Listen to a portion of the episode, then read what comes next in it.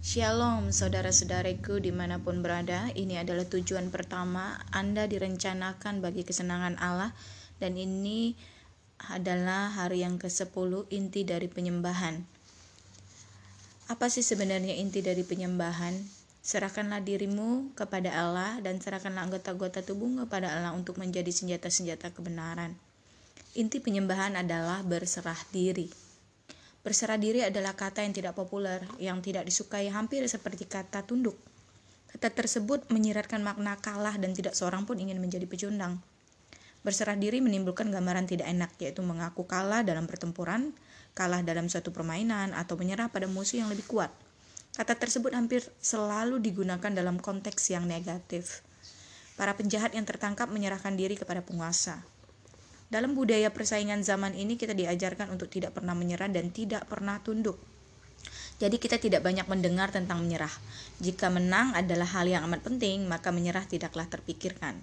Kita lebih suka berbicara tentang soal menang, berhasil, mengalahkan, menaklukkan, daripada tentang mengalah, tunduk, taat, dan menyerah. Tetapi menyerahkan diri kepada Allah adalah inti penyembahan. Itu merupakan tanggapan wajar terhadap kasih dan belas kasihan Allah yang mengherankan. Kita memberi diri kita kepada Dia bukan karena takut akan wajib atau wajib, melainkan di dalam kasih, karena Allah lebih dahulu mengasihi kita. Setelah menggunakan uh, pasal 11 uh, pasal dari kitab Roma untuk menjelaskan tentang kasih karunia Allah yang ajaib kepada kita, Paulus mendorong kita untuk sepenuhnya menyerahkan hidup kita kepada Allah di dalam penyembahan. Karena itu saudara-saudara, demi kemurahan Allah, aku menasehatkan kamu supaya kamu mempersembahkan tubuhmu sebagai persembahan yang hidup, yang kudus dan yang berkenan kepada Allah. Itu adalah ibadahmu yang sejati. Ibadah sejati yaitu mendatangkan kesenangan bagi Allah. Terjadi bila Anda memberi diri Anda sepenuhnya kepada Allah. Perhatikanlah kata mempersembahkan atau persembahan dari ayat tersebut. Mempersembahkan diri kepada Allah itulah yang dimaksud dengan penyembahan. Tindakan berserah diri ini disebut dengan banyak hal, penyucian, menjadikan Yesus Tuhan Anda, memikul salib Anda, kemudian um, mati bagi diri sendiri, berserah diri kepada Roh Kudus. Yang penting adalah bahwa Anda mengerjakannya, bukan sebutan apa yang Anda gunakan untuknya. Allah menginginkan kehidupan Anda seluruhnya 95% tidaklah cukup. Anda ada tiga penghalang yang merintangi penyerahan diri total kita kepada Allah. Ketakutan, keangkuhan, dan kebimbangan. Kita tidak menyadari betapa Allah sangat mengasihi kita. Kita ingin mengendalikan hidup kita sendiri. Dan kita salah memahami makna dari berserah diri. Bisakah aku mempercayai Allah? Percaya adalah unsur yang sangat diperlukan untuk berserah diri. Anda tidak akan berserah diri kepada Allah kecuali jika Anda mempercayainya tetapi Anda tidak bisa mempercayainya sebelum Anda mengenal Dia dengan lebih baik. Ketakutan menghalangi kita untuk berserah diri, tetapi kasih membuang segala ketakutan. Semakin Anda menyadari betapa besarnya Allah mengasihi Anda, semakin mudah penyerahan diri darinya. Diri jadinya. Bagaimana Anda tahu bahwa Allah mengasihi Anda?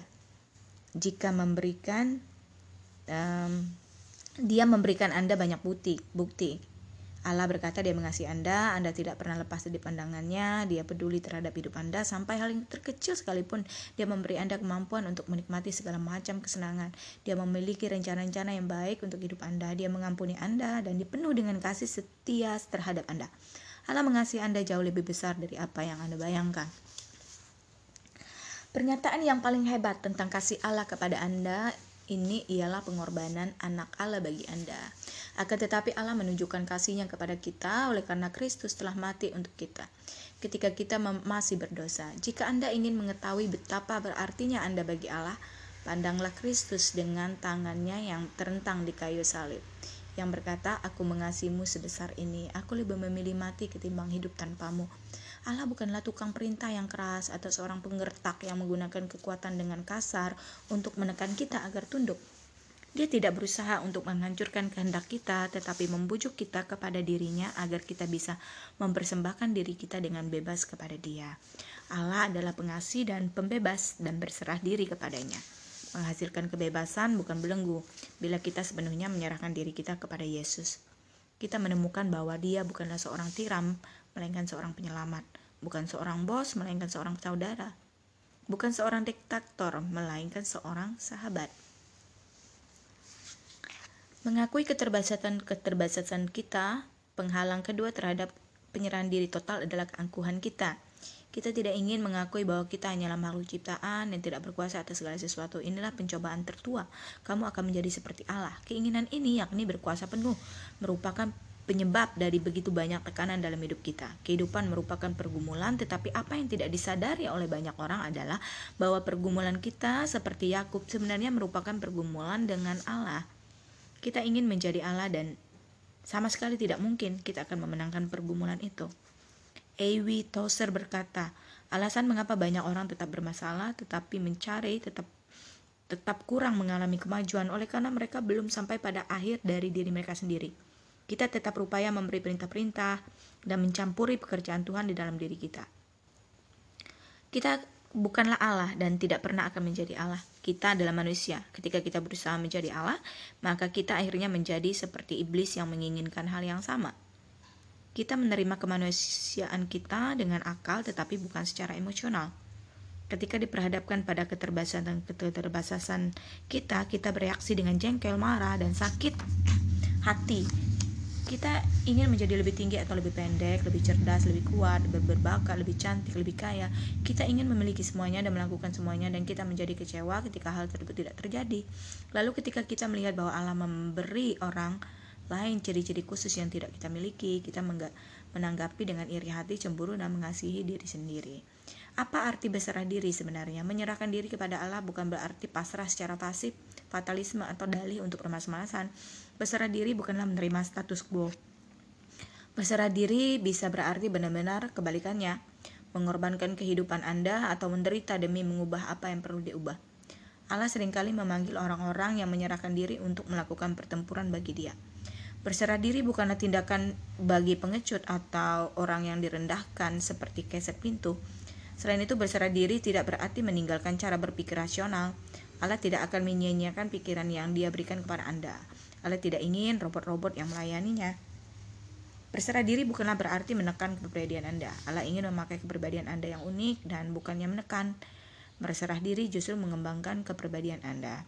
C.S. Lewis mengamati, semakin kita membiarkan Allah menguasai kita, semakin kita menjadi benar-benar diri kita karena dia yang menjadikan kita. Dia menciptakan segala perbedaan antara Anda dan saya seperti yang direncanakan. Ketika saya berpaling kepada Kristus, ketika saya menyerahkan diri kepada kepribadiannya, saya untuk pertama kalinya mulai memiliki kepribadian saya yang sesungguhnya. Berserah diri paling baik ditujukan di dalam ketaatan. Anda berkata, "Ya Tuhan, untuk apa pun yang Dia minta dari Anda, berkata tidak Tuhan berarti berbi berbicara menentang. Anda tidak dapat menyebut Yesus Tuhan Anda bila Anda menolak menaatinya.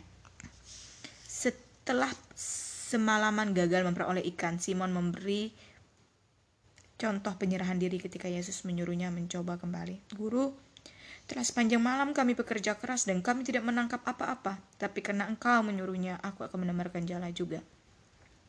Orang-orang yang berserah diri menaati firman Allah, meskipun firman itu tidak masuk akal, aspek lain dari kehidupan yang penuh berserah diri adalah percaya. Abraham mengikuti pimpinan Allah tanpa tahu ke mana ia akan membawanya. Hana menaati waktu penggenapan Allah tanpa tahu kapan. Maria menantikan mujizat tanpa tahu bagaimana Yusuf mempercayai tujuan Allah tanpa mengetahui mengapa situasi terjadi seperti itu. Masing-masing orang ini orang ini sepenuhnya berserah diri kepada Allah. Ketahuilah bahwa Anda berserah diri kepada Allah bila Anda berstandar kepada Allah untuk membuat hal-hal yang hal-hal berhasil dan bukannya mencoba memanipulasi orang lain, mendesakkan agenda Anda dan mengendalikan situasi. Anda melepaskannya dan membiarkan Allah bekerja. Haleluya. Anda tidak harus selalu yang berkuasa. Kita berkata, serahkanlah dirimu kepada Tuhan dan nantikanlah Dia dengan sabar. Sebaliknya, daripada lebih keras berusaha, Anda seharusnya lebih percaya. Ketahuilah juga bahwa Anda berserah diri bila Anda tidak bereaksi terhadap kritikan dan buru-buru membela diri. Hati yang berserah terlihat dengan sangat baik di dalam hubungannya. Anda tidak akan mengendalikan orang lain, Anda tidak menuntut hak-hak Anda, dan Anda tidak melayani diri sendiri bila Anda berserah. Bidang yang paling sulit untuk diserahkan bagi banyak orang adalah uang mereka. Banyak orang berpikir, aku ingin hidup bagi Allah, tetapi aku juga ingin memperoleh cukup uang untuk hidup dengan nyaman dan pensiun suatu saat. Pensiun bukanlah tujuan dari kehidupan yang berserah. Karena pensiun akan bersaing dengan Allah untuk memperoleh perhatian utama kehidupan kita. Yesus berkata, "Kamu tidak dapat mengabdi kepada Allah dan kepada Mammon, dan karena di mana hartamu berada, di situ juga hatimu berada." Teladan terbesar dari penyerahan diri adalah Yesus. Malam sebelum dia disalibkan, Yesus menyerahkan dirinya kepada kehendak Allah. Dia berdoa, "Ya Aba, ya Bapa, tidak ada yang mustahil bagimu. Ambillah cawan ini daripadaku, tetapi janganlah apa yang aku hendaki, melainkan apa yang kau kendaki. Yesus tidak berdoa Allah jika engkau mampu menyingkirkan penderitaan ini, lakukanlah. Dia yakin bahwa Allah tidak melakukan apa pun, sebaliknya dia berdoa Allah jika ada dalam kehendakmu untuk menyingkirkan penderitaan ini, lakukanlah. Tetapi jika penderitaan ini menggenapi tujuanmu, itulah yang aku inginkan juga. Penyerahan diri yang tulis berkata Bapa, jika masalah penderitaan, sakit penyakit, atau situasi ini diperlukan untuk memenuhi tujuan dan kemuliaanmu di dalam kehidupanku atau orang lain, janganlah singkirkan itu. Tingkat kedewasaan ini tidak datang dengan mudah. Dalam kasus Yesus, dia begitu banyak menderita atas rencana Allah sehingga dia berkeringat seperti tetesan darah. Berserah diri adalah pekerjaan yang berat. Dalam kasus kita, berserah diri merupakan peperangan sengit melawan sifat kita yang mementingkan diri sendiri. Berkat dari berserah diri, Alkitab sangat jelas tentang bagaimana Anda memperoleh keuntungan bila Anda sepenuhnya menyerahkan kehidupan Anda kepada Allah. Pertama, Anda mengalami ketentraman. Berlakulah ramah terhadap dia supaya engkau tentram. Dengan demikian, engkau memperoleh keuntungan. Selanjutnya, Anda mengalami kemerdekaan. Serahkanlah dirimu kepada jalan-jalan Allah, maka kemerdekaan tidak akan pernah berhenti. Perintah-perintahnya memerdekakan kamu untuk hidup secara terbuka dalam kemerdekaannya. Ketiga, Anda mengalami kuasa Allah di dalam kehidupan Anda. Pencobaan-pencobaan yang sudah hilang dan masalah-masalah yang menguasai bisa dikalahkan oleh Kristus bila diserahkan kepadanya. Ketika Yosua mendekati pertempuran terbesar dalam kehidupannya, dia, memen dia menemui Allah, bersujud menyembahnya dan menyerahkan rencana-rencananya. Penyerahan, penyerahan diri itu membawa kemenangan yang luar biasa. Kemenangan yang luar biasa datang melalui penyerahan diri. Berserah diri tidaklah memperlemah Anda. Berserah diri memperkuat Anda. Setelah berserah diri kepada Allah, Anda tidak perlu takut atau berserah diri kepada hal lainnya. William Bott, pendiri Bala Keselamatan berkata, kehebatan kuasa manusia ada dalam kadar penyerahan dirinya. Orang-orang yang berserah diri adalah orang-orang yang Allah pakai. Allah memiliki Maria untuk menjadi ibu Yesus bukan karena dia berbakat atau orang kaya yang cantik, tapi karena dia sepenuhnya berserah kepadanya. Ketika malaikat menjelaskan rencana Allah yang mustahil, Maria dengan tenang menanggapi, menanggapi sesungguhnya aku ini adalah hamba Tuhan dan aku bersedia menerima apa pun yang ia kehendaki. Tidak ada apa pun yang lebih berkuasa daripada kehidupan yang diserahkan ke dalam tangan Allah. Karena itu serahkanlah dirimu sepenuhnya kepada Allah. Cara terbaik untuk hidup, semua orang akhirnya berserah diri kepada suatu sesuatu atau seseorang. Jika bukan kepada Allah, Anda akan berserah diri pada pendapat atau harapan orang lain, kepada uang, kepada sakit hati, kepada ketakutan, atau kepada keangkuhan, hawa nafsu, atau ego Anda sendiri. Anda dirancang untuk menyembah Allah, dan jika Anda gagal menyembah Dia, Anda akan membuat hal-hal lain yang kepadanya Anda akan memberikan hidup Anda. Anda bebas memilih kepada apa Anda berserah diri, tetapi Anda tidak bebas akibat pilihan Anda. A. Stanley Jones berkata, jika Anda tidak berserah diri kepada Kristus, Anda berserah diri kepada kekacauan. Berserah diri bukanlah cara terbaik untuk hidup. Berserah diri ialah satu-satunya cara un untuk hidup. Semua pendekatan lainnya menghasilkan keputusasaan, kekecewaan, dan perusakan diri sendiri. Alkitab versi King James menyebut berserah diri itu adalah ibadah yang sejati. Versi lainnya menerjemahkan cara yang paling masuk akal untuk melayani Allah adalah menyerahkan diri. Hidup Anda uh, bukanlah dorongan emosional yang konyol, tetapi suatu tindakan yang masuk akal dan cerdas. Hal yang paling bertanggung jawab dan bijaksana yang bisa Anda lakukan dengan kehidupan Anda. Itulah sebabnya Paulus berkata, karena itu kami berusaha sungguh-sungguh untuk menyerahkan, hat, menyenangkan hatinya. Saat-saat yang paling bijaksana Anda adalah ketika Anda berkata iya kepada Allah. Kadang-kadang butuh waktu bertahun-tahun, tetapi akhirnya Anda menyadari bahwa penghalang terbesar untuk berkat Allah dalam kehidupan Anda bukanlah orang lain, tetapi diri Anda sendiri yang kehendak diri, kesombongan yang sukar dihilangkan, dan ambisi pribadi Anda. Anda tidak bisa memenuhi tujuan Allah bagi hidup Anda sementara Anda mementingkan rencana-rencana Anda sendiri. Jika Allah hendak melakukan karyanya yang terbesar dalam Anda, itu akan dimulai dengan hal tersebut. Jadi serahkanlah semuanya kepada Allah, penyesalan masa lalu Anda, masalah-masalah Anda sekarang, ambisi masa depan, ketakutan, impian, kelemahan, kebiasaan, kepahitan, kecemasan Anda. Tempatkanlah Yesus di kursi pengemudi dari kehidupan Anda dan lepaskanlah tangan Anda dari kemudi. Janganlah takut, tidak ada apa pun di bawah kendalinya yang bisa dilepas kendali. Dengan dipimpin oleh Kristus, Anda bisa mengulangi apa pun apa pun. Anda akan menjadi seperti Paulus, aku siap menghadapi apa pun dan sanggup menghadapi segala perkara melalui Dia yang memberiku kekuatan batin, yaitu aku sanggup mencukupi keperluanku sendiri dengan kecukupan Kristus. Titik penyerahan diri Paulus terjadi dalam di, uh, di jalan Damsyik setelah dia rebah karena cahaya yang membutakannya. Bagi orang lain, Allah mendapatkan perhatian kita dengan metode-metode yang tidak begitu drastis. Bagaimanapun juga, berserah diri tidak pernah merupakan peristiwa satu kali. Paulus berkata, tiap-tiap hari aku berhadapan dengan maut ada saat penyerahan diri dan ada praktek penyerahan diri yang berlangsung saat demi saat dan sepanjang hidup. Yang menjadi persoalan dengan kurban yang hidup adalah bahwa kurban itu bisa bergerak keluar dari mesbah karena itu Anda mungkin harus menyerahkan kembali kehidupan Anda 50 50 kali sehari. Anda harus menjadikannya kebiasaan harian. Yesus berkata setiap orang yang mau mengikut aku, ia harus meninggalkan hal-hal yang ia inginkan. Ia harus bersedia menyerahkan hidupnya setiap hari untuk mengikuti aku. Baiklah saya memperingatkan Anda, bila Anda memutuskan untuk menjalani kehidupan yang sepenuhnya diserahkan, keputusan tersebut akan diuji. Kadang itu berarti melakukan tugas-tugas yang tidak enak, tidak umum, mahal, atau tampaknya mustahil. Itu akan terjadi. Sering terjadi melakukan hal yang berlawan dengan apa yang Anda kerjakan. Mengapa? Salah satu pemimpin Kristen besar abad 20 adalah Bill Bright, pendiri kampus Cross Crusade for Christ melalui pekerja crusade di seluruh dunia. Uh, traktat 4 hukum rohani dan film Yesus ditonton oleh lebih dari 4 miliar orang.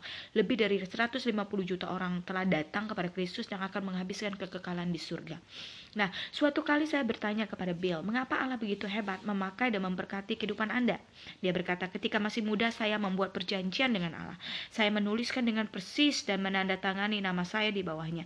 Perjanjian tersebut berkata, mulai hari ini saya adalah budak Kristus. Pernahkah Anda menangani, eh, menang, menandatangani perjanjian seperti itu dengan Allah? Ataukah Anda masih berdebat dan bergumul dengan Allah mengenai haknya untuk memperlakukan kehidupan Anda seperti yang Anda ingin dia inginkan? Sekarang adalah waktunya untuk berserah diri kepada kasih karunia, kasih dan nikmat Allah. Yang harus direnungkan yaitu inti penyembahan adalah berserah diri. Serahkanlah anggota-anggota tubuhmu kepada Allah untuk menjadi senjata-senjata kebenaran Roma 6 ayat 13. Dan yang harus dipikirkan bidang apa dalam kehidupan saya yang saya tidak serahkan kepada Allah. Haleluya. Semoga memberkati.